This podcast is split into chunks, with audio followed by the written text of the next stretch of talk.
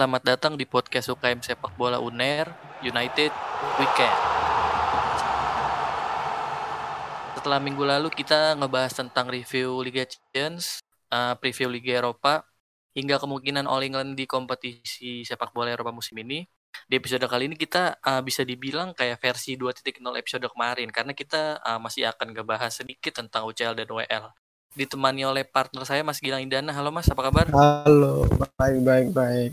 Oke, ini kita langsung masuk aja nih Mas nih ke pembahasannya. Nih, di minggu lalu itu ada pertandingan yang dibatalkan nih Mas nih antara Manchester United melawan Liverpool. Di mana di sini fans Manchester United kayak uh, melakukan semacam demo gitu uh, untuk menuntut mundurnya Glazer sama membuat aturan 50 tambah satu kayak di Bundesliga itu Uh, jadi kayak kepemilikan saham klub itu kayak di share nggak cuma apa ya uh, kepemilikannya ini aja, nah iya uh, sama bisa dibagi ke fans juga nih mas nih. Kalau menurut mas nih gimana nih? Uh, dengan adanya demo kemarin itu uh, malah bikin Manchester United jadi klub yang lebih baik apa gimana nih? Kalau emang hasilnya itu bakalan oke okay lah gitu uh, tuntutan-tuntutan fansnya itu bakal diterima. Menurut mas gimana nih Ah, sebenarnya kalau dari demo kemarin sih itu kayaknya itu sih uh, itu uh, buntut dari keresahan uh, fans MU sama si owner Glazers kalau nggak salah. yeah, Glazers. Uh, sama itu apa uh, yang kemarin ada hubungannya sama diadakannya Europa Super League juga sih sebenarnya kan itu juga uh.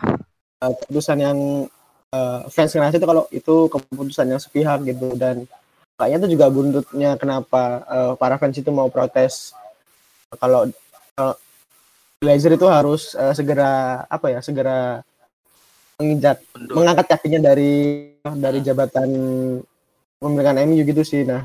Terus yang aku kaget sih kemarin uh, kenapa fansnya tuh bisa masuk ya ke kayak soalnya kaget sih agak kaget sih. Itu uh, dia itu kan uh, apa ya uh, di beberapa match lain di selain eh, MU kan juga ada uh, yang fans protes juga di depan stadion. Kan uh, ada beberapa juga kayak Chelsea terus yang tim-tim lain itu. Nah, tapi uh. yang kenapa fans MU ini bisa masuk ke lapangan ya? Aku juga agak sih dan kayaknya emang uh, itu benar-benar yang jadi keresahan utama dari fans MU yang orang lokal sana gitu sih kayak kayaknya gitu dan uh, kayaknya kalau dia mau nuntut kepemilikan 50 plus 1 sih uh, juga ya kalau diterapin di Inggris di mana uh, sepak bolanya tuh udah kalau aku bilang sih udah termasuk sepak bola industri gitu. Sedangkan kalau misal di Jerman sendiri tuh kalau dia dia tuh uh, sepak bolanya tuh lebih kuat gitu. Jadi kayak kalau aku ngelihatnya itu sebagai apa ya olahraga, cuman uh, itu sekaligus hiburan uh, warga Jerman gitu loh. Uh, di sana kental banget gitu. Sedangkan kalau misal di Inggris itu kan uh, apa ya uh, sepak bolanya tuh udah di katanya udah berevolusi jadi nggak hanya cuma sekedar hiburan saja ta tapi juga diberikan ajang komersialisasi juga gitu loh nah itu kayaknya buntut dari uh, kenapa kok uh, 50 plus 1 diterapin di Inggris itu hampir susah sih gitu nah kalau menurut kamu sendiri nih gimana nih kan uh, kamu, kamu sebagai fans MU nih apakah kamu itu salah satu yang mendukung dengan adanya protes kemarin atau gimana menurut kamu? Uh, iya, kebetulan saya juga fans yang mendukung gerakan ini Mas ya. Uh, kenapa? Soalnya gimana ya? Uh, dari beberapa uh, owner klub di Liga Inggris menurut saya ya cuma owner inilah yang bisa dibilang ini kayak cukup ngeselin kan. Owner-owner lain tuh kayak berlomba-lomba buat investasi untuk kemajuan klubnya. Kalau owner kita ini nih Glazer bersaudara ini kayak gimana ya rasanya ya? Kayak cuma ngambil keuntungan uh, buat dirinya sendiri aja gitu. Kayak nggak pernah ngeluarin lebih buat MU bahkan uh, ketika MU membeli banyak pemain di musim-musim sebelumnya itu bener-bener bukan dari kantong si Glazer melainkan uh, dari keuntungan yang didapat uh, di musim-musim sebelumnya MU itu dari sponsor dan lain-lain. Nah, kalau untuk aturan 50 plus 1 ini menurut saya kalau diterapkan di Liga Inggris ya emang agak kurang juga. Seperti yang Mas bilang tadi kan di Liga Inggris itu kayak bisa dibilang uh, bisa bilang apa ya sepak bolanya itu udah masuk industri lah gitu. Uh, tapi kalau emang bisa diterapin di MU ini aja sendiri sih ya bakalan bisa lebih baik lagi buat MU dan ke depannya. Soalnya apa ya Mas ya di bawah Glazer ini MU emang pendapatannya itu gede banget. Tapi ya Hmm. masuknya ini ya buat ke Glazersnya aja gitu, nggak buat ke MU-nya. Jadi bisa dibilang MU di luar kelihatan untung, tapi dari dalam itu kelihatan rugi. Gitu sih Mas Hmm, saya. ya. Terus eh, aku juga mau, ta- mau mau tanya pendapatmu sih kayak eh, ini tuh ada hubungannya sama kayak eh, pendatangan pemain yang didatang- didatangin sama manajemen beberapa tahun belakang nggak menurut kamu? Eh, Gimana gimana Mas? bisa ada as ini? Eh, kayak gimana ya? Eh, ada nggak sih hub- hubungan antara pendatangan pemain dari manajemen nih itu sebenarnya mem- mempengaruhi nggak dari ad- a- adanya aksi protes ini kayak misal mu- ya mungkin fans kurang puas sama manajemen yang eh, ngelontorin dana nggak seberapa banyak buat tim itu datangin pemain dari luar gitu menurut kamu gimana kira-kira? Menurut saya itu ada sih masih, tapi kayak dibatasin kayak misalkan uh, MU itu pendapatannya semusim bisa beratus juta pound sterling ya ibaratnya segitu. Tapi kayak Hmm. menurut saya dari Glazersnya sendiri kayak cuma ngebatasin kalau MU ini cuma boleh uh, ngambil duit segini. Sedangkan di uh, Glazers ini kan juga punya ini ya, punya klub football juga di Amerika. Yang Hmm. Tampa Bay itu yang ada apa namanya? Hmm. uh, yang pemain terkenal itulah lupa saya pokoknya yang terkenal ya LeBron James-nya football Hmm. kalau bisa dibilang. Nah, sedangkan klub Oh, iya. lainnya itu si Glazers ini kayak jor-joran banget. Buktinya bisa datengin dia, bisa datengin si Grong gitu kan. Di Oh, MU iya. kayak cuma jadi sapi perahnya aja. Saya ngelihat di sini kayak beberapa tahun belakangan ini Heeh. bukan beberapa tahun belakangan sih dari awal 2004 2005 Glazers datang itu ya MU emang udah dijadiin sapi perah aja sih. Makanya ya kalau emang MU bisa ngedatengin pemain mahal kayak Harry Maguire kemarin sebenarnya MU bisa bisa datengin pemain yang lebih banyak dan lebih mahal lagi dari Harry Maguire uh, itu sebelumnya. Ya, tapi menurut saya dengan adanya si Glazers ini juga ya dibatesin sih buat pemasukannya dia sendiri kan uh, si Glazers ini juga bisa dibilang masih ada utang ya. Uh, seba- ya dia kan namanya pengusaha juga emang kan uh, kadang ada lah gitu utang-utangnya yang emang bisa diatasi dengan kepemilikan saham di beberapa klub gitu kayak Glazers ini contohnya.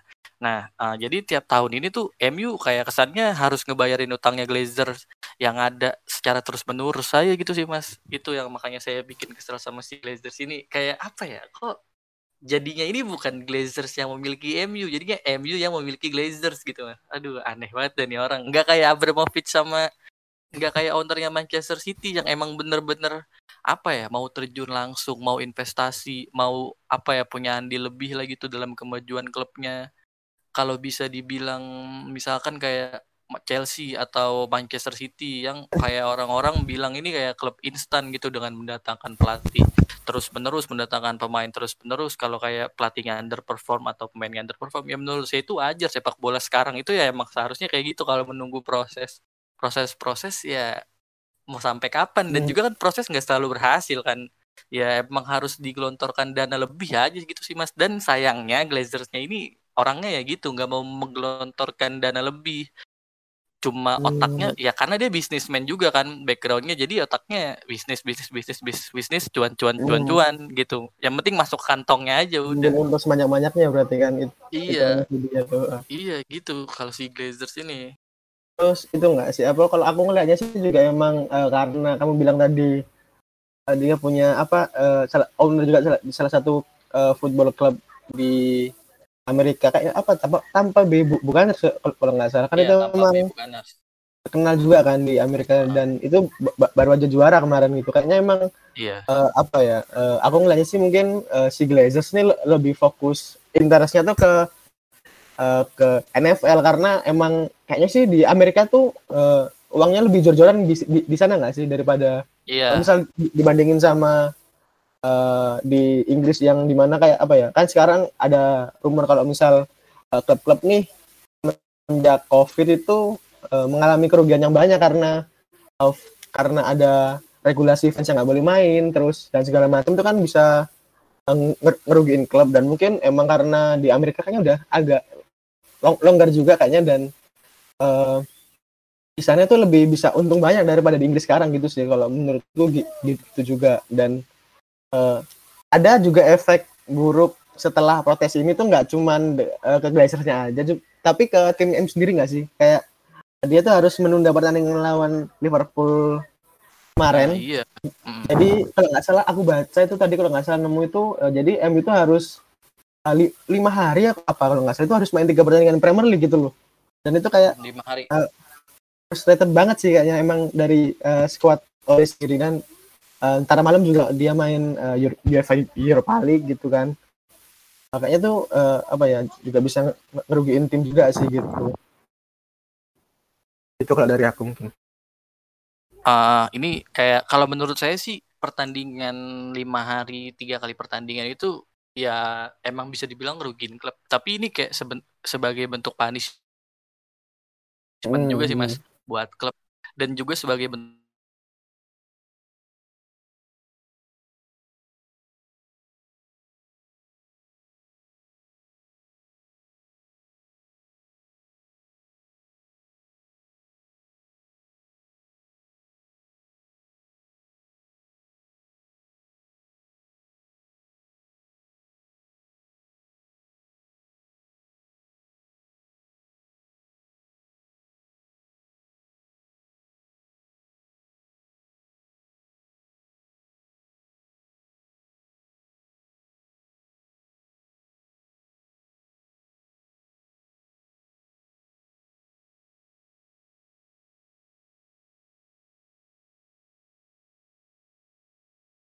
hasil dibatalkan uh, di situ Manchester United itu kayak fans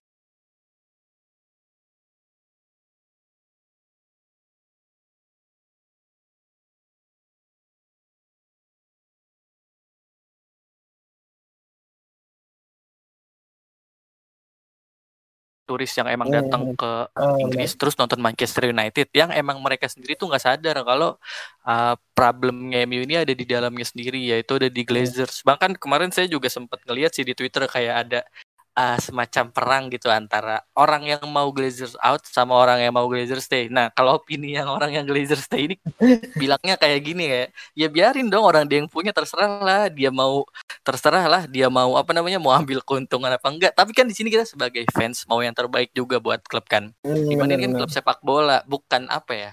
Ya emang Glazer walaupun Glazers backgroundnya bisnis tapi Glazers juga harus tahu lah kalau ini uh, klub sepak bola yang di mana klub itu memiliki fans fans punya harapan tersendiri buat klubnya itu sendiri. Jadinya kayak kemarin agak aneh aja gitu sih mas. Kayak fans MU kayak terpecah belah menjadi dua gitu. Yang di sisi lain ada yang minta Glazers stay di sisi lain ada yang minta Glazers out gitu. Saya juga jadi aneh aja gitu. Kayaknya sih sebagian memang uh, lebih setuju kalau Glazers out juga kan kayaknya Nah, iya, tapi uh, apa ya? Balik lagi ke ini poin saya yang tadi di mana Manchester United ini uh, apa sih namanya pendapatannya itu ya dari kebanyakan dari turis-turis yang emang datang mau nonton langsung MU ke Old Trafford gitu sama dari merchandise merchandise yang dibeli sama fans-fans hmm. dari luar negeri gitu. Sedangkan fans dalam negerinya atau akamsinya Manchester United itu bisa dibilang kayak udah capek banget nih sama Glazers. Jadi kayak dibutuhin semacam gerakan pemboikotan eh, nggak uh, nonton MU langsung di stadion kayak waktu itu PSS Sleman atau uh, tolak pembelian merchandise gitu-gitu segala macam sih kalau menurut saya kalau buat bener-bener bisa ngedorong Glazer supaya out. Kalau menurut Mas sendiri gimana nih sebagai uh, fans Chelsea gitu? Gimana sih ini kayak caranya biar apa ya misinya fans MU ini berhasil lah gitu biar bikin Glazers out ini?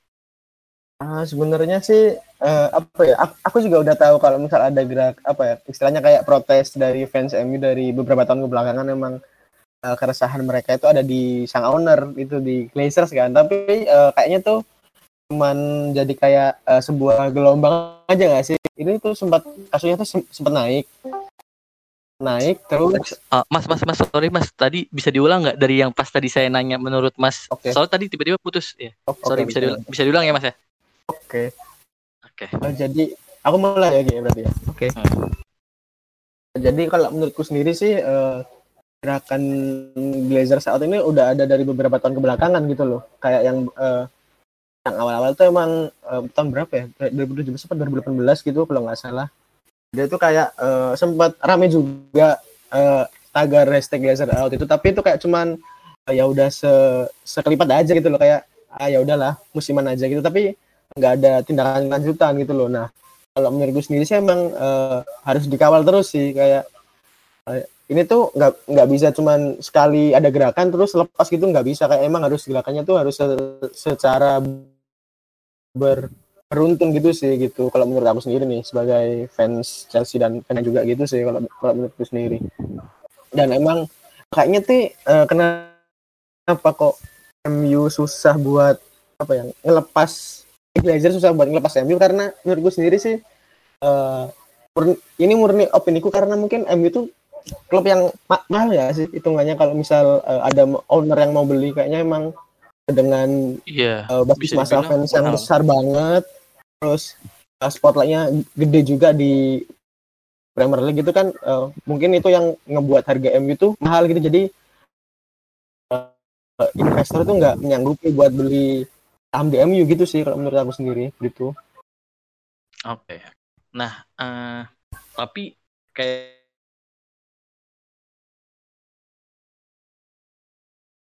ya uh, di media sini ya, kemudian di media internasional, hmm. media lokal itu kayak seperti yang Mas bilang tadi kayak Tempo 2017 hingga saat ini. Uh, tapi sebelumnya ketika ketika Malcolm Glazers dan uh, antek-anteknya mulai menguasai Manchester United itu pada 2004 2005 udah ada beberapa uh, fans MU, kumpulan fans MU yang emang menolak kedatangan dia sampai-sampai kayak bikin klub tandingan gitu FC United Manchester yang sampai sekarang uh, masih main gitu kayak di liga amatir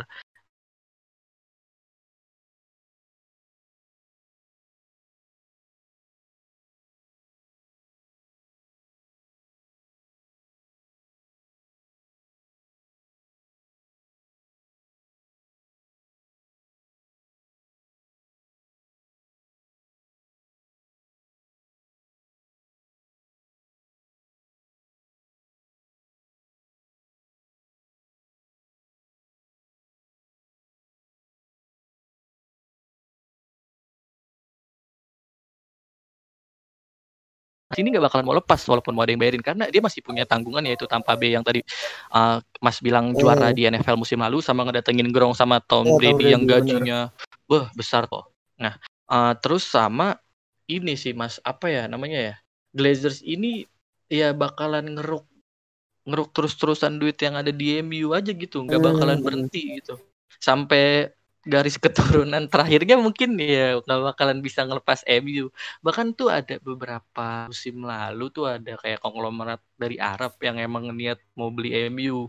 Hmm. Uh, nah di situ ada apa namanya isu katanya kalau Glazers ini kayak nolak uh, pembelian proposal pembelian tersebut dan alasannya juga kita nggak tahu karena apa. Pokoknya kayak intinya ada intinya gitu kayak Glazers nolak uh, pem proposal pembelian yang diajuin sama Pangeran Arab gitu ya. Dan akhirnya sampai sekarang kayak terbukti aja gitu.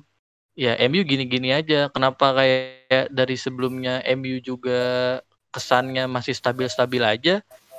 Karena ya MU di carry juga sih sama Sir Alex yang emang bisa ngebuat MU ini tetap hmm. sustain hmm. uh, tanpa mengeluarkan duit banyak kayak masih bisa juara, masih bisa bersaing lah di papan atas. Sampai-sampai kan di pergantian Sir Alex ke pelatih sekarang nih ke Ole dari David Moyes, Louis van Gaal, Jose Mourinho sampai sekarang Ole kan baru tuh hmm. uh, beritanya naik lagi karena ya udah mulai kelihatan nih busuknya kalau Glazers ini bisa dibilang pem pemilik yang inilah pemilik yang apa ya aduh parah banget lah ini saya sampai kayak nggak bisa mengeluarkan kata-kata lainnya nih hmm. parah nih orang nih gila nih Glazers asli terus ini sih aku juga baru nemu ini ternyata uh, si owner United Avram Glazer ini dia tuh uh, aku juga baca di sumber di ESPN.com nah dia tuh menolak buat uh, minta maaf gara-gara keputusannya uh, United buat ikut European Super League kemarin gitu. Mungkin kayaknya tuh yang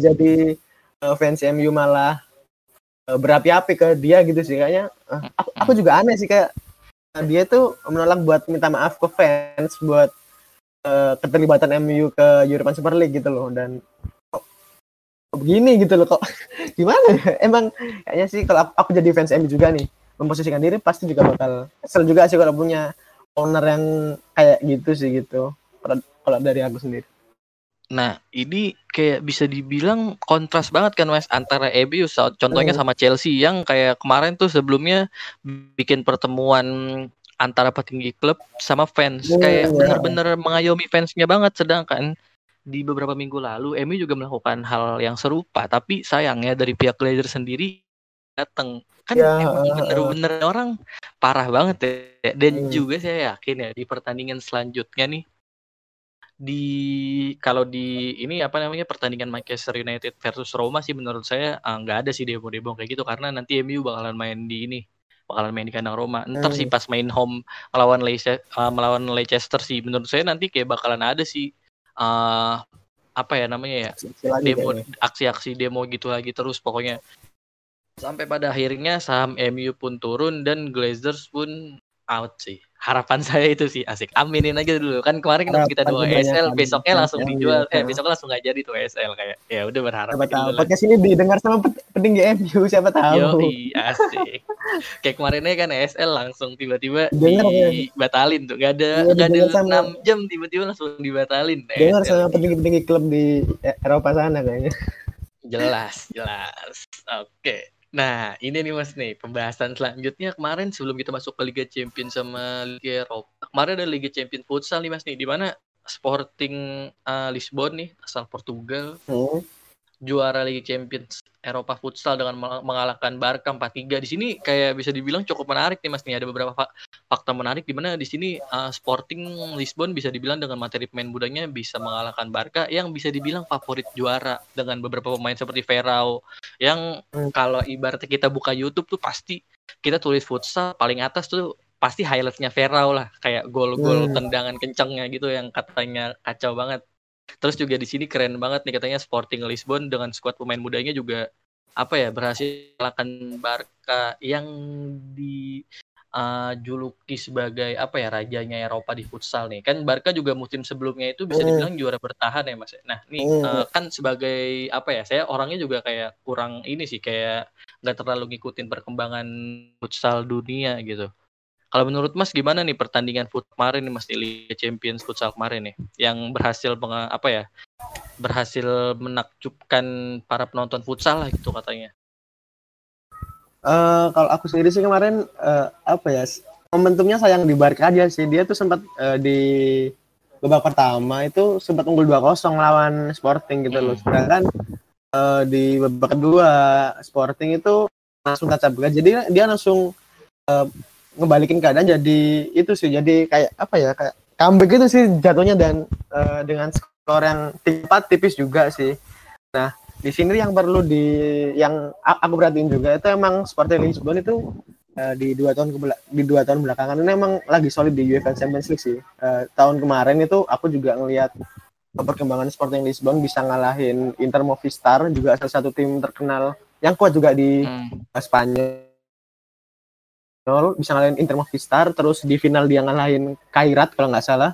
Dan dia juga juara tahun kemarin di UEFA Champions League dan uh, tahun, tahun ini juga juara ngalahin Barca itu uh, kayak uh, dominasi futsal Eropa ini nggak cuman terbatas dari uh, Spanyol aja gitu loh. Dan kan uh, beberapa tahun ke belakang ini uh, setauku emang kalau UEFA Champions League futsal ini didominasi sama tim Spanyol kayak Barca, Inter Movistar, hmm. itu kan uh, dalam beberapa tahun. Nah sedangkan kalau di dua tahun belakangan ini mungkin uh, dominasinya sedikit runtuh sih gara-gara ada Sporting Lisbon ini juga. Dan uh, gimana ya kayak emang uh, yang jadi uh, masalah problem buat Barca sendiri ini tuh di sini kalau aku lihat sih sebenarnya yang jadi problem itu di inkonsistensi aja sih. Dia tuh kadang-kadang memang suka underperform aja lawan tim yang seharusnya bisa menang gitu loh. Sedangkan uh, Sporting ini menurutku sih uh, dari aku lihat permainannya kemarin memang uh, solid juga sebenarnya. Cuman Barca itu punya peluang yang lebih oke okay buat uh,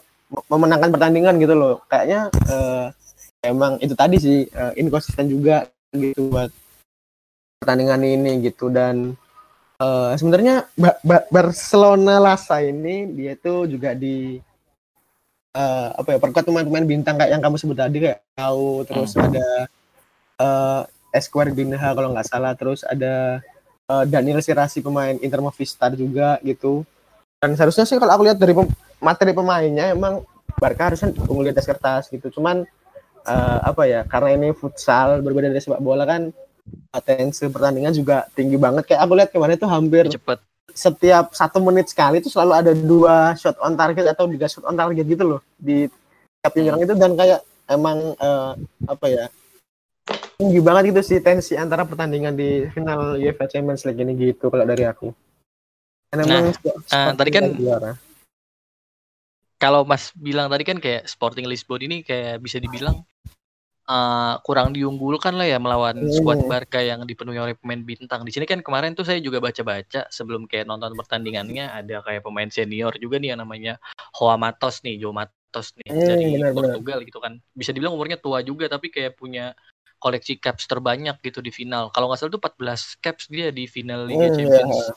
uh, Eropa futsal gitu. Sama dia tuh udah punya banyak banget uh, piala kejuaraan futsal gitulah di profesional gitu. Nah, menurut Mas ini kayak kehadiran dia nih sebagai pemain senior di antara pemain-pemain muda Sporting lainnya kayak yang kemarin cetak gol tuh si siapa namanya ya Ziki Ziki itu kan sama si Erik gitu. Yeah.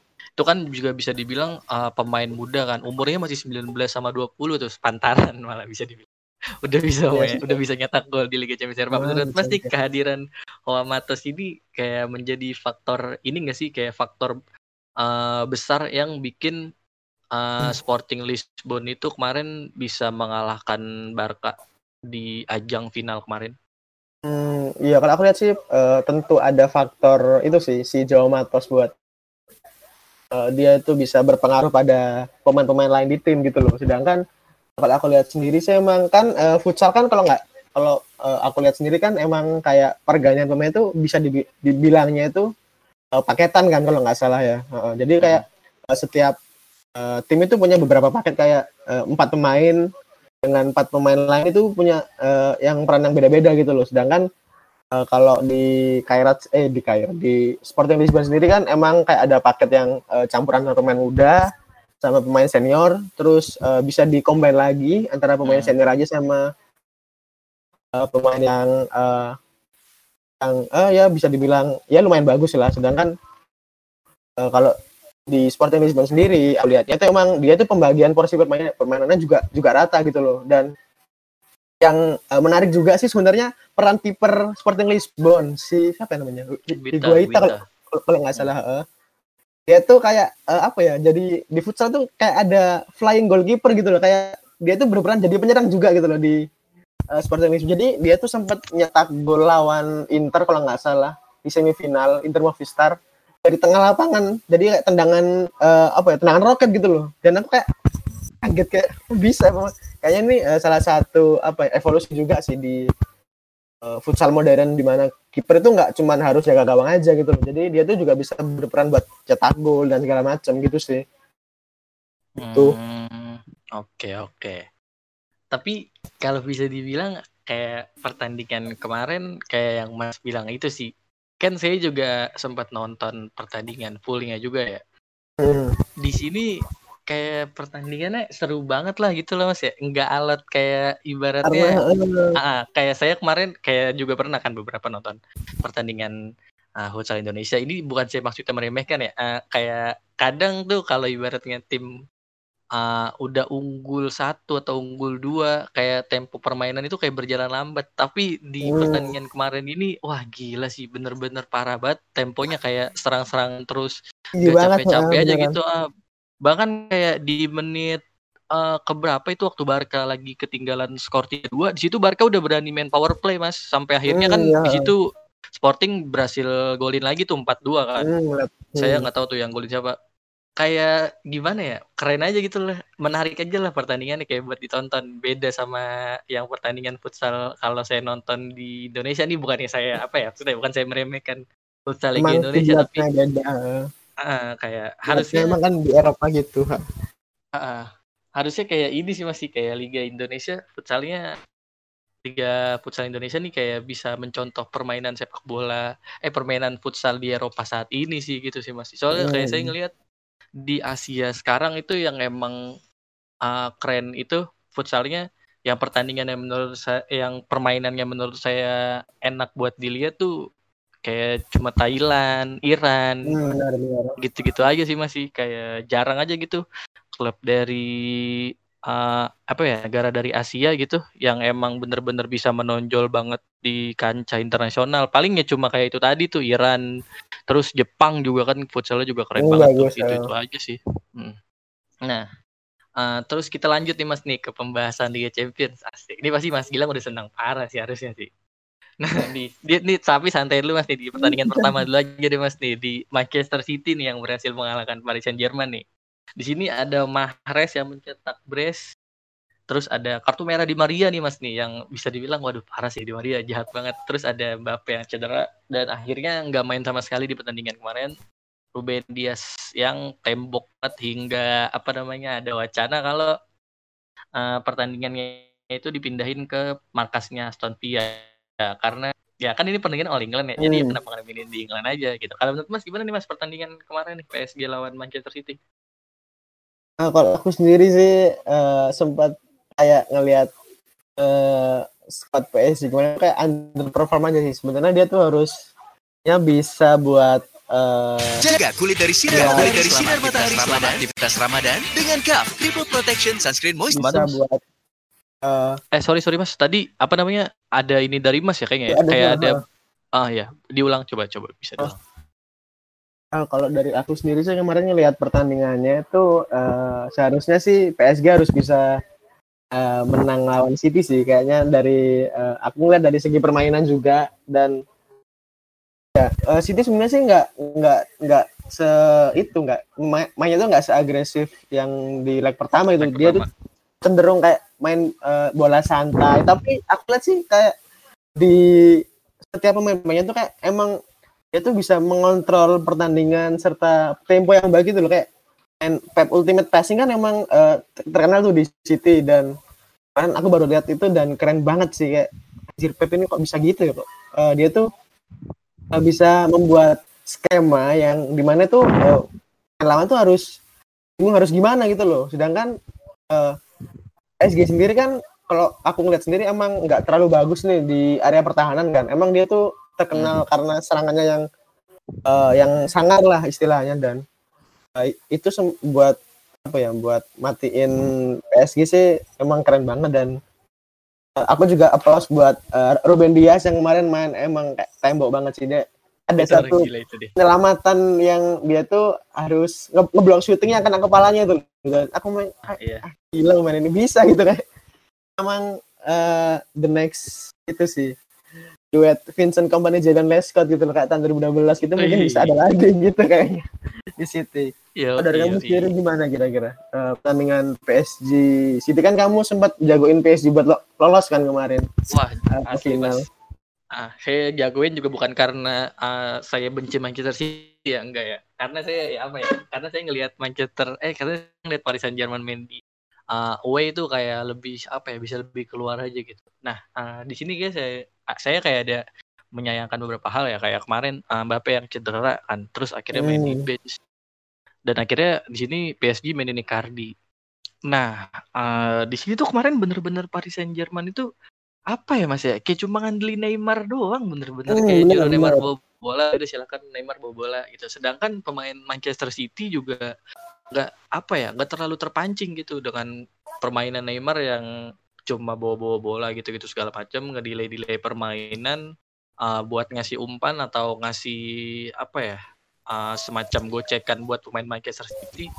Tapi ya itu lagi kayak di sini Manchester City kayak sabar banget kayak cuma cuma ngeliatin PSG main, megang bola terus ya udah eh, ada kesalahan oke okay, saatnya kita eksekusi gitu. Kan bisa dilihat tuh dari golnya Mahrez sama golnya Mahrez eh, uh, bisa lihat dari kedua golnya Mahrez tuh kalau ya itu apa ya bisa dibilang kesalahan back Paris Saint-Germain ya, yang lalai juga sih. Uh, terus juga kemarin uh, kerennya Manchester City itu kayak pemain-pemainnya bisa apa ya bisa mancing emosinya pemain Paris Saint Germain oh, kan kayak Di Maria gitu kan yang dipancing sama Fernandinho. Tapi itu kemarin wah fatal sih itu. Itu patah pak itu parah banget itu, itu kayak menurut saya kalau emang injekannya bisa uh, sukses sedikit itu kan bisa dibilang gagal ya soalnya gagal hmm. mencederai hmm. Fernandinho itu wah itu bisa hmm. menghabisi itu bisa menghabisi karir Fernandinho sih terus hmm. juga kayak kemarin di situ Manchester City pemain-pemainnya juga bisa dibilang ah rapat banget lah gitulah. Hmm, Kayak nggak mau kasih celah ya. sedikit aja gitu. Terus Ruben Dias yang tadi juga Mas bilang kayak tembok tuh aduh. Wah, ini saya bener-bener ini banget sih Mas sama di pemain kok MU malah beli Harry Maguire ya. Kenapa beli dia Iya, aja gitu Ruben Dias keren gemuk banget mainnya. Wah, gila keren banget bener-bener bisa ngelit pertahanannya City serapat itu loh. Ya dan Allah. apa ya dan eh, itu emang eh, nggak nggak hanya di Ruben Dias saja dan otaknya sih sebenarnya ada di Kevin De Bruyne itu loh dia tuh cemerlang Hmm. banget kemarin aku lihat emang kayak eh, ki key pass-nya tuh emang eh, berhasil ngebuat eh, serangan City ini efektif banget gitu ke Saint Germain dan kayaknya tuh bakal jadi PR PR lagi sih buat lawannya di final nanti gitu loh buat matiin Wih, buat matiin Kevin De Bruyne dan kawan-kawan itu bagaimana susah emang kalau lawan City itu emang eh, Pep Ultimate Passing itu emang gila sih kalau menurutku. Eh, total football banget itu. Kayak bahkan kemarin saya juga sempat aneh sih sama Leicester City kan. Di mana di sini kayak Manchester City itu nggak mainin eh, ini Joao Cancelo kan. Eh, Hmm. mainin Kyle Walker kayak terus juga mainin Fernandinho. Biasanya kan Hmm. Fernandinho kan di bench gitu kan. ya Sampai akhirnya ya tiba-tiba pemain itu main semua. Bahkan sampai di sini City tuh kemarin nurunin Zinchenko. Saya mungkin mikir kayak iya Ini eh, City Zin- emang- Zinchenko kemarin main. Ah iya, kayak nggak mau eh nggak mau lolos final apa gimana kan? Saya bak pas saya pas ngelihat line up tuh kayak ya udah saya udah pede banget nih. PSG main, udah menang dah. Nggak taunya, aduh ya Allah. Kayak PSG ini kayak bener-bener gak bisa megang bola lama terus iya kasih eh. oper Neymar terus Neymar aduh bingung nih mau ngapain. Kayak nggak ada duo Hmm. kayak nggak ada duo duo mautnya juga itu si Mbappe jadi ya mungkin Neymar juga kayak bingung mau ngoper ke siapa nih juga, gak ada yang ya. bisa lari ini semuanya nih aduh gitu sih mas. Sayang aja gitu saya sih. Terus juga si siapa namanya kayak tadi mas bilang tuh si Kevin De Bruyne. Hmm, Kevin De Bruyne. Itu juga genius banget sih dia. Kayak bagus bisa dia sekarang. Saya juga nggak tahu ini emang taktiknya Pep apa gimana ya. Kayak tiap serangan baliknya Manchester City tuh pasti kayak ada uh, langsung cari Kevin De Bruyne kayak langsung nggak langsung ke depan gitu. Cari cari De Bruyne terus Kevin De Bruyne yang menentukan Ya, gitu Heeh, yang uh, ke mana arah serangnya City gitu saya nggak tahu ini emang taktiknya Pep apa emang pemain City yang cuma percaya sama Kevin De Bruyne bagaimana ya. Tapi ya itu menurut saya berhasil banget sih buat bikin lini belakangnya PSG itu jadi panik.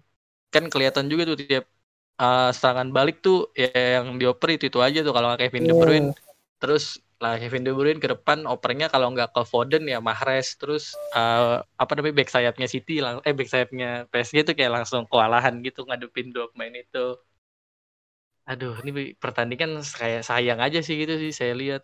Buat PSG kayak harusnya PSG bisa menang lah. Aturan nggak? Kalau nggak menang golin deh. Kayak kemarin malah sama sekali nggak ada nggak nggak ada ngapa-ngapain itu target loh. PSG parah itu. iya kayak nggak ngapa-ngapain itu juga aneh. Sebenarnya ada sih beberapa peluang gol tapi sayang banget ya yang dihadapi ini Ruben Dias sih kayak nggak ada Hmm. takut-takutnya nih pemain sama bola. Ya kalau mungkin saya di posisinya dia itu saya emang bakal ngadepin bola tapi mungkin saya nunduk gitu. Saat menghadap bolanya udah masuk.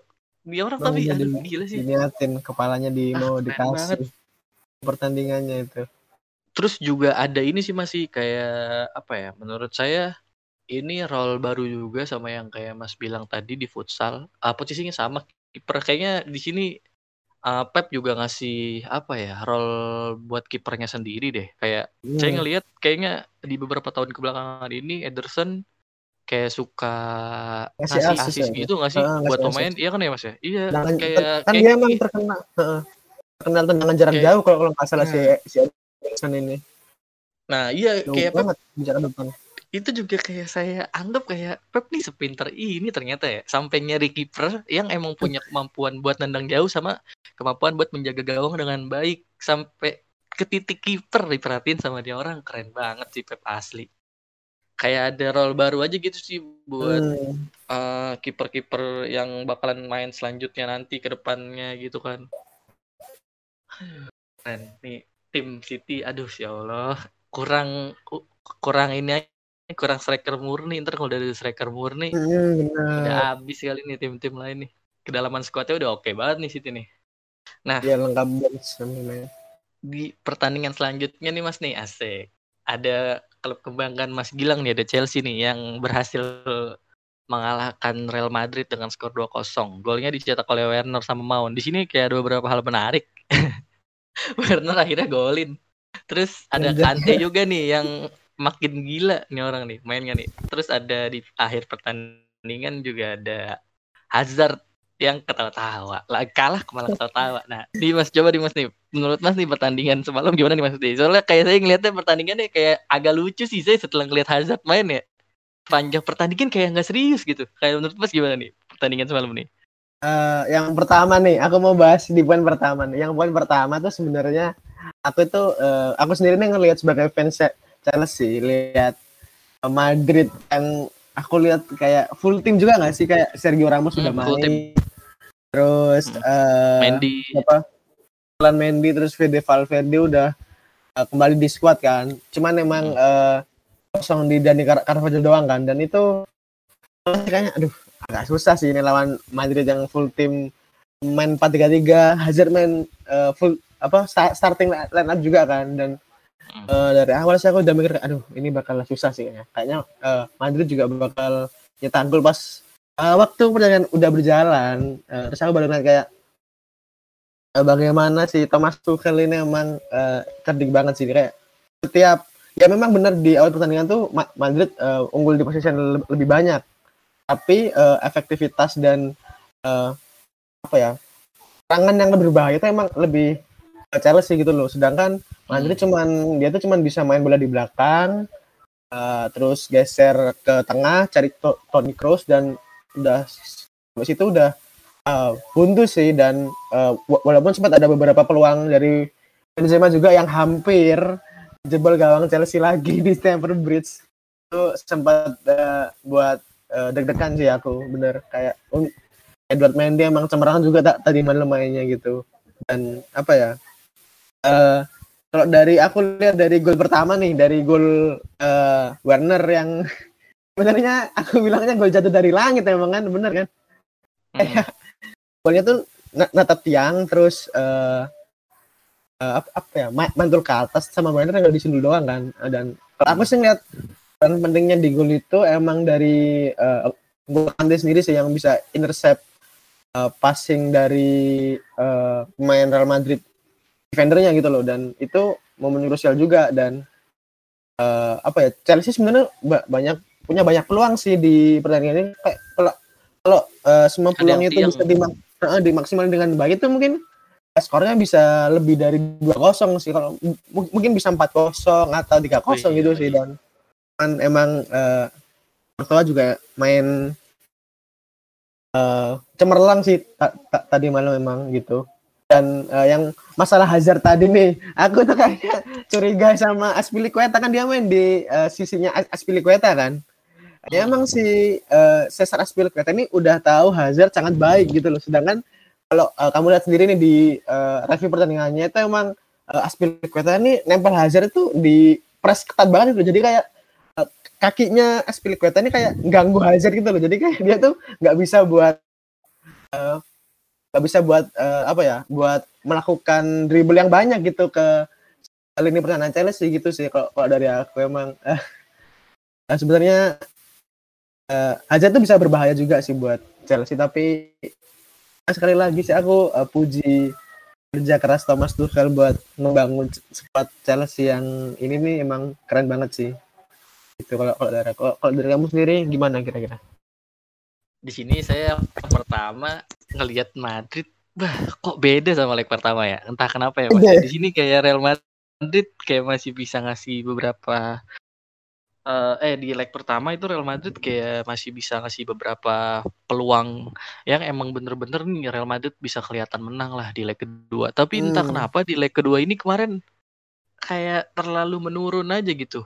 Terus juga di sini saya ngelihat sosok Ngolo Kante yang emang bener-bener sama kayak di leg pertama ada di mana-mana. Kayak yang tadi Mas bilang kan uh, di sini Hazard kayak bener-bener dijaga banget sama Cesar Azpilicueta kayak nggak dikasih space sedikit pun lah buat kakinya Hazard melakukan dribble-dribble yang emang bisa membahayakan hmm. Chelsea. Nah, tapi di sini ada satu ini pasti yang emang saya ngelihat ya kayak tiap tiap kali Real Madrid uh, membangun serangan balik dan bolanya sampai kakinya Hazard, itu kan udah ada Cesar Azpilicueta dan tiba-tiba Ngolo Kante yang tadinya habis nyerang sama Iya. pemain Chelsea tiba-tiba udah dari belakang. Jagain Hazard lagi sampai-sampai foul lah sampai-sampai gimana lah. Gila nih ini orang kayak bener-bener semalam kerja keras banget sih. Dan juga nih di gol Timo Werner itu kayak saya sebenarnya waktu pas si Kai Havertz uh, ngechip bola saya ngelihat kan kayak ya udah gol nih ada Werner. Tapi pas saya ngeliat itu oh iya Werner saya kayak 50-50 gitu mas. Saya mikir ah kayaknya nggak gol eh gitu kan. Nah terus di sini juga kayak saya ngelihat ada role baru juga sih mas ya buat kayak Havertz yang sebelumnya emang biasanya main di belakang striker ya sebagai Hmm. gelandang nomor 10 nah eh, belakangan ini sama Thomas Tuchel ini kayak sering ditaruh sebagai striker gitu dijadiin False nine, nine, Terus nine, ha. dijadiin false nine. Dan bisa dibilang berhasil lah ya mas ya. Di beberapa Hmm, pertandingan dia jadi false nine selalu mencetak gol kan uh, benar, uh, benar. mencetak gol sama berkontribusi lah buat gol-golnya Chelsea gitu.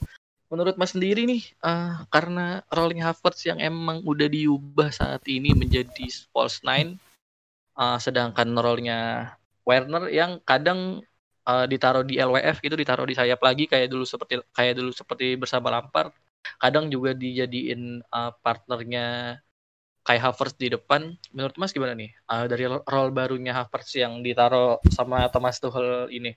Kira-kira bakalan emang dipasang terus karena emang efektif apa Thomas Tuchel akan membuat suatu gebrakan baru dengan memasangkan uh, Kai Havertz di posisi aslinya. Eh, mungkin sih aku yang pertama-tama tuh emang eh, suka banget bagaimana Thomas Tuchel bisa naruh Kai Havertz di posisi warga di false nine gitu loh di striker kalau nggak salah striker kan dan emang itu jauh eh, dia tuh bisa kelihatan gitu loh daripada eh, Kai Havertz-nya yang waktu di asuh Lampard kalau nggak salah. Emang dia tuh dipasang sebagai attacking midfielder gitu loh. Dan eh, kalau aku lihat sih emang gaya bermainnya terus kontribusinya tuh emang jauh berbeda sih. Sedangkan kalau di uh, Thomas Tuchel sendiri uh, Havertz ini lebih apa ya dia tuh lebih percaya diri dan uh, apa ya berani untuk uh, melakukan serangan gitu loh. Karena dia emang karena emang dia tuh punya uh, sentuhan yang bagus plus touch yang bagus Hmm. terus uh, visi menyerangnya juga bagus sedangkan kalau dia bermain uh, waktu asuhannya Lampard itu aku ngeliatnya sih emang si Havertz ini dia tuh lebih cuman sering eh, jadi pengantar bola aja sih nggak lebih dari itu gitu loh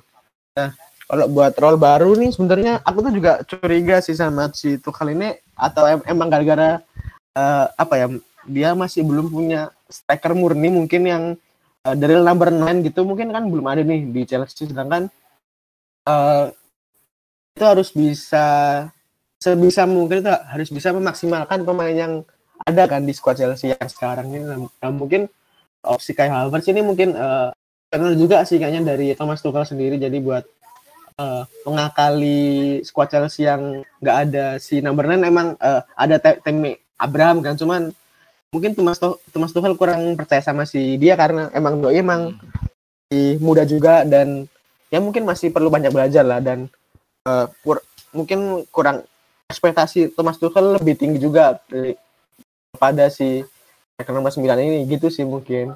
Eh, nggak tahu lagi kalau misal nanti di akhir musim Chelsea mau beli striker murni emang ya eh, berarti Thomas Tuchel ya ya mungkin aja bisa eh, apa ya mengganti lagi nggak nggak melulu cuman main false nine aja sih gitu kalau dari aku sendiri karena emang Chelsea ini kan terkenal one season eh, apa ya one Wonder. season wonder kadang-kadang heeh.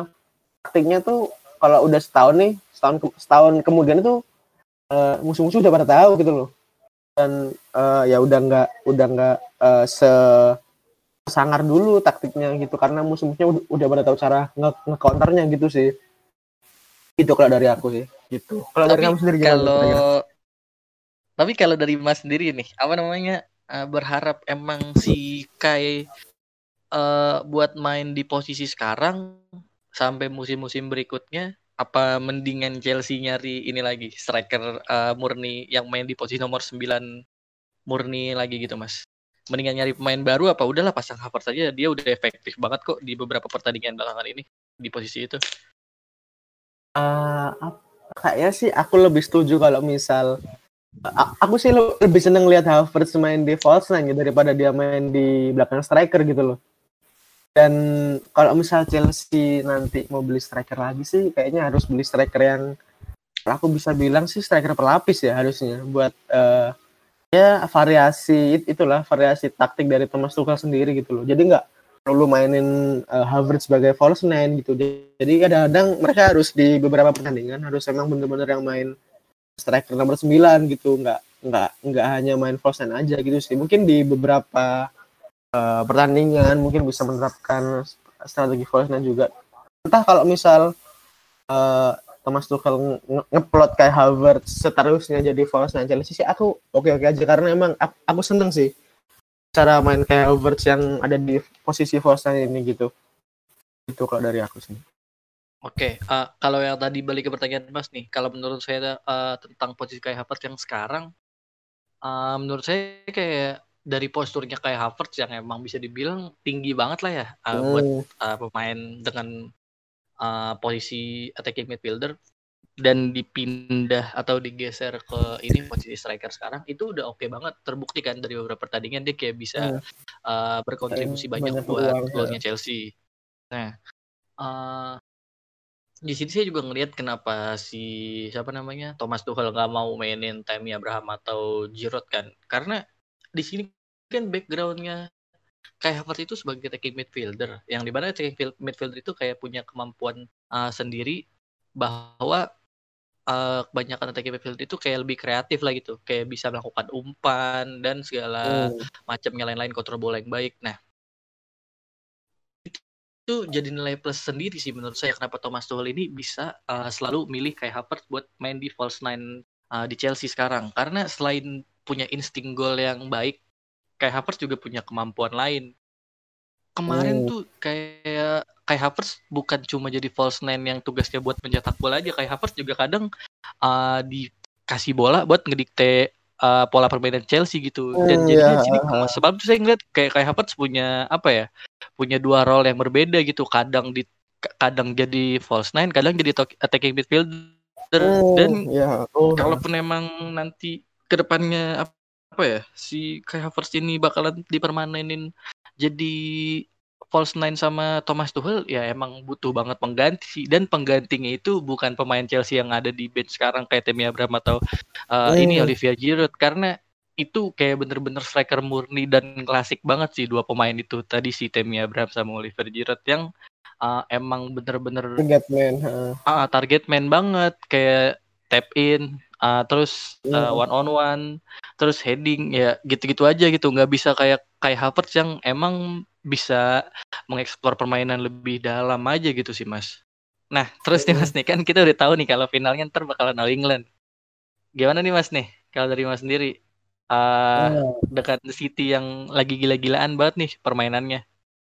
Dan uh, juga Chelsea yang kayak bisa dibilang kalau dicocok login kayak 2012 nih mirip lah ya uh, pelatih yang dipecat terus diganti dan juga tidak menjuarai Liga uh, Inggris lalu ya masuk final Liga Champions kira-kira cocok logging itu bakal terulang nggak? Uh, gimana ya? Aku ngelihat emang kalau misal kita main cocok login nih ya sebenarnya ya. Uh, sih harusnya sih bisa Chelsea juara lagi cuman uh, sebenarnya sih aku ngelihatnya sama uh, City sama Bayern Munchen tuh sama-sama tim super tim kan aku ngelihatnya hmm. gitu dan emang kalau aku dari cocok lagi sebenarnya harusnya sih bisa cuman kan sepak bola bolanya bundar nih. Apa aja bisa terjadi kan gitu. Dan uh, buat final nanti ini kan kalau nggak salah tuh sebelum uh, sebelum tanggal 29 Mei nanti itu Chelsea harus ketemu City dua kali lagi kan dulu. di mm -hmm. di final apa ya? di apa ya? Di di Premier League. Uh, di Premier League sama di FA Cup kalau nggak salah eh apa ya ya? Pokoknya tuh dia harus ketemu City berapa kali gitu sebelum final. Nah itu eh FA emang, Cup Chelsea sama Leicester deh iya yeah. sama apa ya? Lupa. Aku pokoknya harus ketemu beberapa kali dulu gitu loh. Nah itu sih aku takut uh, agak sedikit mengkhawatirkan itu nanti bisa jadi apa ya bumerang juga buat Chelsea sama City gitu loh. Sedangkan aku lihat sendiri emang City ini emang skuadnya emang kompak banget, lengkap juga.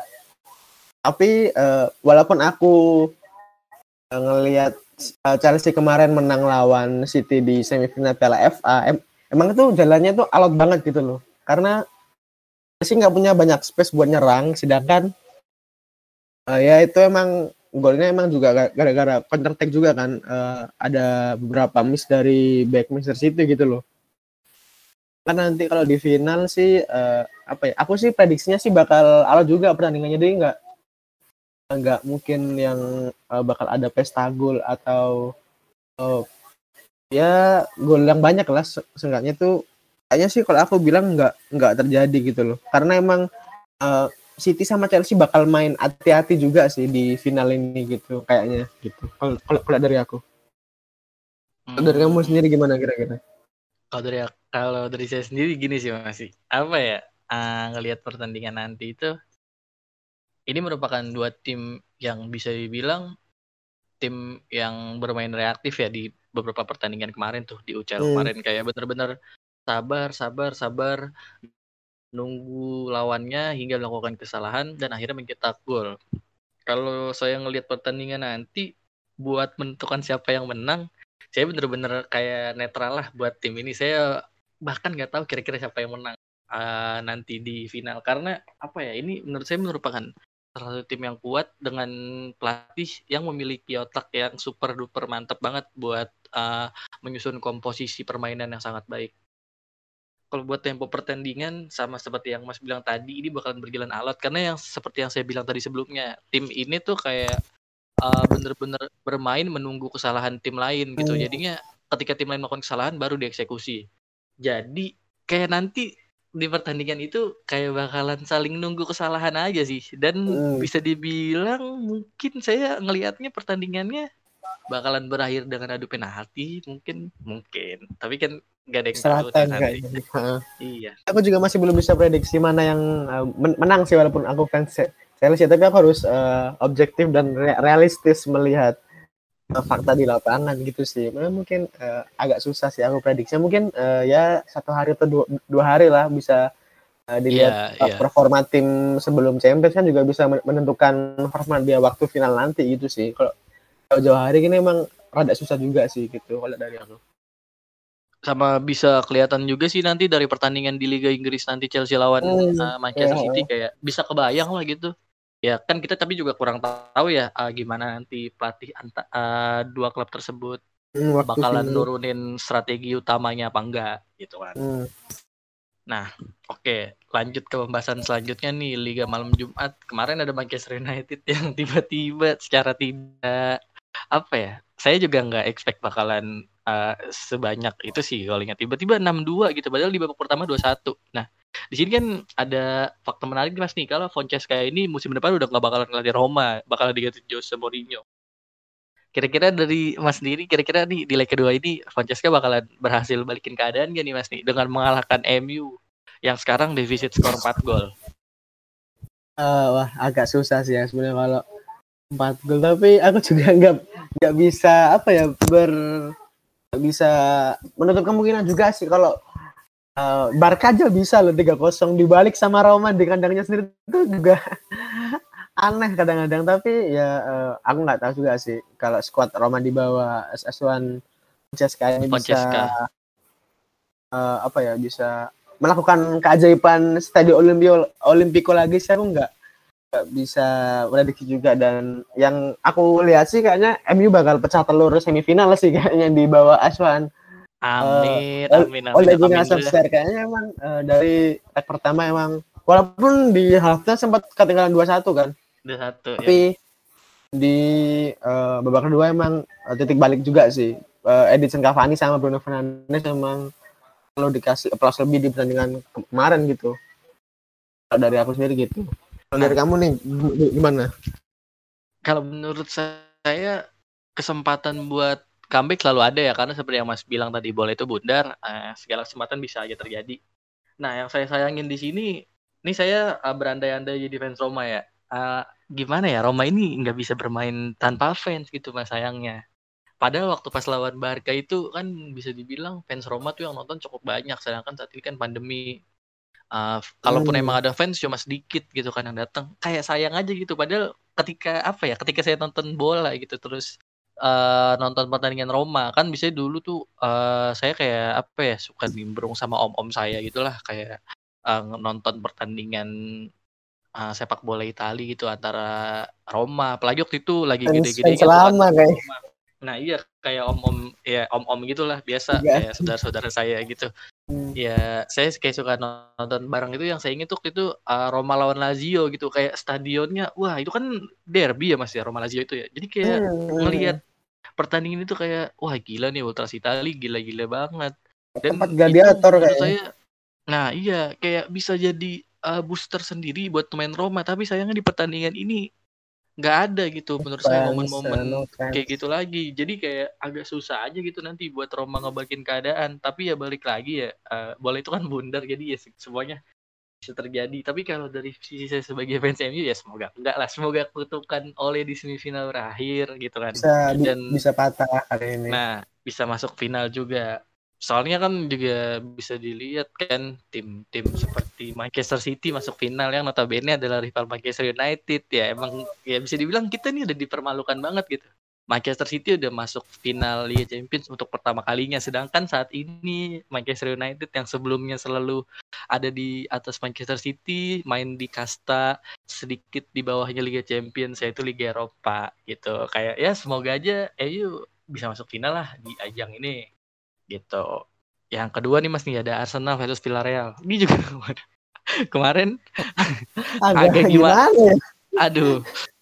Ya emang kita bisa dibilang udah tahu sih Arsenal bakal lawak tapi yang saya aneh itu mas ya kemarin kayak kok Arteta tiba-tiba bikin kejutan lagi gitu ya kayak PP dijadiin false nine terus Gabriel Magalhaes nggak main kayak kok Pep siapa namanya Arteta melakukan eksperimen yang di emang dibilang- bahaya. Iya, kok jahat Bahaya, banget nih. Kalau menurut Mas gimana nih Mas nih? Arsenal kan bisa dibilang punya kesempatan yang besar lah buat lolos nanti dapat satu gol tandang sama nanti ini main di sekandang Arsenal sendiri. Kalau menurut di Emirates juga. Nah, ya, kalau menurut Mas gimana nih? Ah, Arsenal bakalan bisa ngebalikin keadaan nggak? Seperti yang kita tahu kan Villarreal sekarang dipegang sama Unai Emery nih yang notabene adalah mantan pelatih Arsenal dan spesialis Liga Eropa. Aduh, aku kalau lihat Arsenal nih sebenarnya agak gimana ya. Walaupun aku eh, rivalnya nih emang kadang-kadang suka simpati aja gitu loh sama Arsenal kok bisa gitu loh eh, dia tuh kadang-kadang underperform melawan tim yang seharusnya menang gitu loh. Nah, kalau aku eh, prediksi hasil nanti malam sih kayaknya emang eh, harusnya sih Arsenal Arsenal bisa bisa menang gitu loh dengan ya walaupun satu satu, satu kosong lah eh, bisa sebenarnya buat dia lo- lolos gitu loh. Tapi ya eh, aku nggak tahu lagi ya. Kan eh, Arteta kan penuh kejutan juga. Aku nggak tahu lagi kalau misal Iya, asli. nanti ya, malam dia pasti masang plot-plot eh, yang nggak biasa dari Arsenal itu apalagi gitu loh.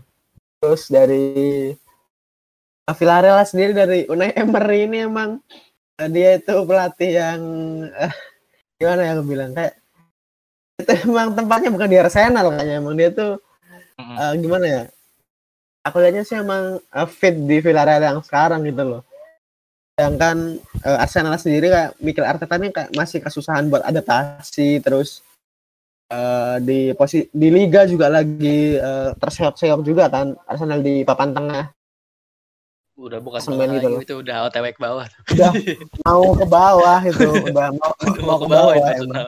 udah mau ke bawah ya eh, aku sih berharapnya sih eh, f- tetap All England ya karena emang biar kompak aja sih biar ada dua tim London terus ada dua tim Manchester gitu kan. Nah, iya. di Jadi final Europa. League sama Champions League gitu loh. Ya walaupun aku Europa League eh, nggak mungkin kayak nggak mungkin nih kayaknya. Arsenal juara itu kayaknya agak susah sih. Apalagi lawannya Manchester United gitu loh. Itu kalau dari aku sendiri. Emang ya tapi aku tetap prediksi Arsenal buat lolos na- na- na- nanti malam waktu lawan Villarreal gitu Oke, kalau kalau dari saya sendiri sih Mas nih alat pertandingan kemarin itu kan kayak bener-bener sepanjang 45 menit nih Arsenal kalau bahasanya coach-coach itu kan dia obok-obok ya. Obok-obok. Nah, kayak saya ngelihat Arsenal sampai akhirnya dapat kartu merah tuh Dani Ceballos lebih bagusan Arsenal ketika main 10 pemain gitu. Sampai kan Arsenal tuh bisa golin ada gitu loh. Parah. Iya kayak wah parah mas sumpah bener-bener pas ketika main 10 pemain tuh Arsenal kayak bener-bener baru berani keluar nyerang pas kemarin eh, pas sebelum kartu merah tuh pas main 2-0 sebelum Dani Ceballos kartu merah Arsenal kan lagi posisi kalah ya? Ya Ah namanya. ya. kita dalam posisi kalah tuh kan insting menyerangnya harus ditingkatkan kan? Dengan Ah, berusaha mencetak gol ya seberapa mungkin lah. Terlebih Arsenal main away kan? Kalau dapat gol tandang bener-bener bisa dapat uh, advantage yang ya bisa dibilang lumayan lah kayak kemarin Arsenal udah kalah 2-0 tapi kita tetap ya Allah udah bertahan bertahan bertahan bertahan bertahan. Sampai akhir kita di Champions merah baru mereka berani keluar. Kok saya mikir ya aneh gitu. Terus barulah tuh Arteta juga mikir mungkin otaknya baru connect.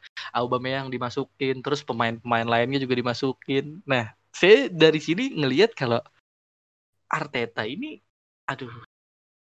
Padahal saya punya apa ya Mas ya? Saya ngelihat Arteta ini sebagai salah satu pelatih yang bisa dibilang uh, bakalan bisa ini loh bakalan bisa bersinar kan saya ngelihat dia juga di Manchester City bersama apa namanya uh, Pep Guardiola bagus banget tuh kan sampai ngebawa Manchester City beberapa kali juara Liga Inggris terus beberapa kali juga kayak pokoknya kayak waktu uh, Arteta makin di Manchester City tuh jadi asistennya Pep Guardiola kayak bisa ngebantu Hmm. Manchester City banget lah uh, buat mendominasi di liga domestik di Inggris saat itu. Tapi ketika di Arsenal kayak kok tiba-tiba jadi Lord aja gitu ya, kayak suka bikin eksperimen-eksperimen gak penting. Ya harapan saya sih sama kayak Mas Gilang, semoga All England. Tapi saya uh, bukannya apa-apa, sorry banget saya kayak ngelihat apa ya agak skeptis aja gitu sama Arsenal. Hmm. Uh, tentunya sama pemain dan sama pelatihnya. Soalnya masalahnya nih mas nih ya pemain-pemain kemarin yang dimasukin itu, itu di menit terakhir mas. Kenapa nggak di awal gitu? Padahal lagi kayak posisi kalah 2-0 malah sama Villarreal sendiri yang emang notabene pelatihnya itu mantan pelatih Arsenal lebih apa ya Villarreal kemarin ya bermainnya ya kayak bener-bener reaktif banget kayak uh, udah mungkin ngelihat pemain Arsenal bagian kirinya udah capek kayak dia masukin beberapa pemain gitu yang emang buat nyerang lagi, buat mencetak gol lagi gitu. Tapi sayangnya kan ada beberapa peluang Villarreal yang gak gol tuh. Tapi di sini Hmm. balik lagi gitu kayak Arsenal nggak ngapa-ngapain, sumpah pertandingan kemarin aneh banget. Ya Allah, sangat disayangkan lagi sih gitu kemarin. Harusnya Ya, tapi bisa iya, Bisa tapi ya semoga aja sih nanti ya Ada keajaiban Eh, datang. iya ada lah gitu lah. Arsenal sama MU bisa lolos final gitu biar All England dan Manchester Biar versus All London gitu soalnya kayak aneh aja gitu ya klub sebesar Arsenal masa jadi bahan bulian terus udah berapa musim dari musim aduh sampai waktu itu dulu kan pernah ada meme-nya tuh kan Arsenal puasa 14 Hmm. tahun sampai akhirnya juara FA Cup ya jangan kayak gitu lagi lah udahlah kasihan lah Arsenal lah Dia harusnya kembali ke jalan yang benar. ya. Ya, Yang bilang itu ya. tumbal itu, tumbal apa invisible kayaknya. Jadi kutukannya itu Nah. bakal berjalan terus gitu loh. Mungkin sih gitu juga. sih.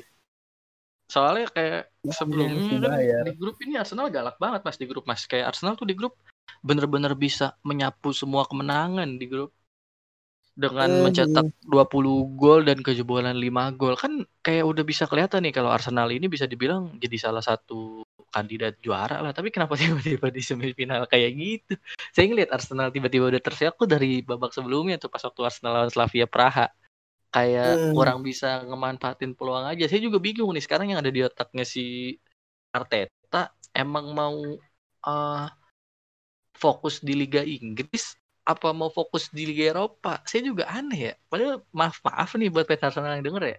Kan Arsenal di Liga Inggris sudah bisa dibilang nggak bisa ya udah nggak ada harapan Udah ya. Arsenal ha- Susah. iya udah Arsenal udah nggak bisa bersaing atau bisa atau masuk ke empat besar gitu kayak jauh banget poinnya Arsenal tuh sekarang 49 Hmm. poin sedangkan uh, empat besar sekarang tuh Chelsea gitu kan 61 Enam- poin dan iya, emang 60, 60. uh, ya Arsenal tuh gimana ya udahlah bersaing sama Aston Villa sama Leeds gitu-gitu dulu aja mending Ayo bisa buat ngamanin Europa League lah harusnya. Ah, ah. kalau nggak fokus di Liga Eropa aja gitu juarain Hmm. Liga Eropa buat masuk Liga Champions soalnya kalau di Liga aduh maaf maaf aja sih ini Arsenal udah nggak bisa Iya sih ya. Buat Aneh banget sih ini Arsenal ya Allah. Tapi gimana nih Mas? Dik? Gak, keajaiban lah. Ah, tapi gimana nih Mas Dik, kalau menurut Mas sendiri ah, kira-kira nanti kalau Villarreal yang lolos gitu kan.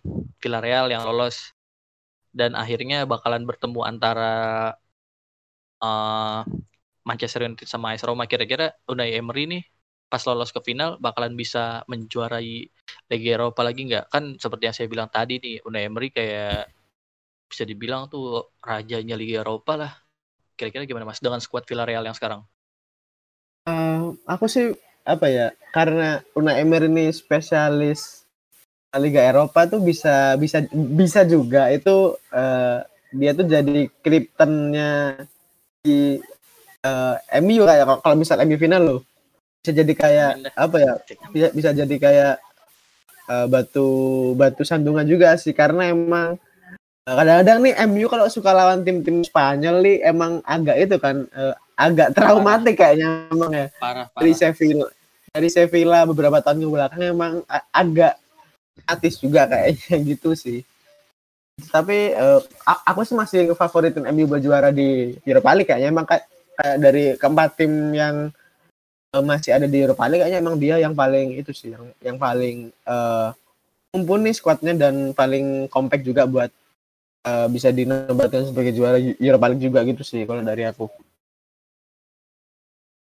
Itu Kalau di saya sih kayak gimana ya?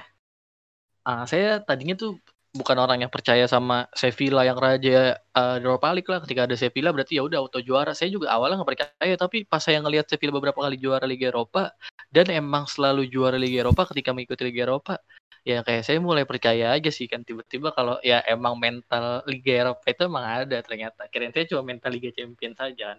Dan juga kan di sini Liga Eropa sekarang ada Unai Emery ya yang bisa dibilang juga Hmm, uh, mental di Eropanya itu spesialis eh. ada spesialis gitu.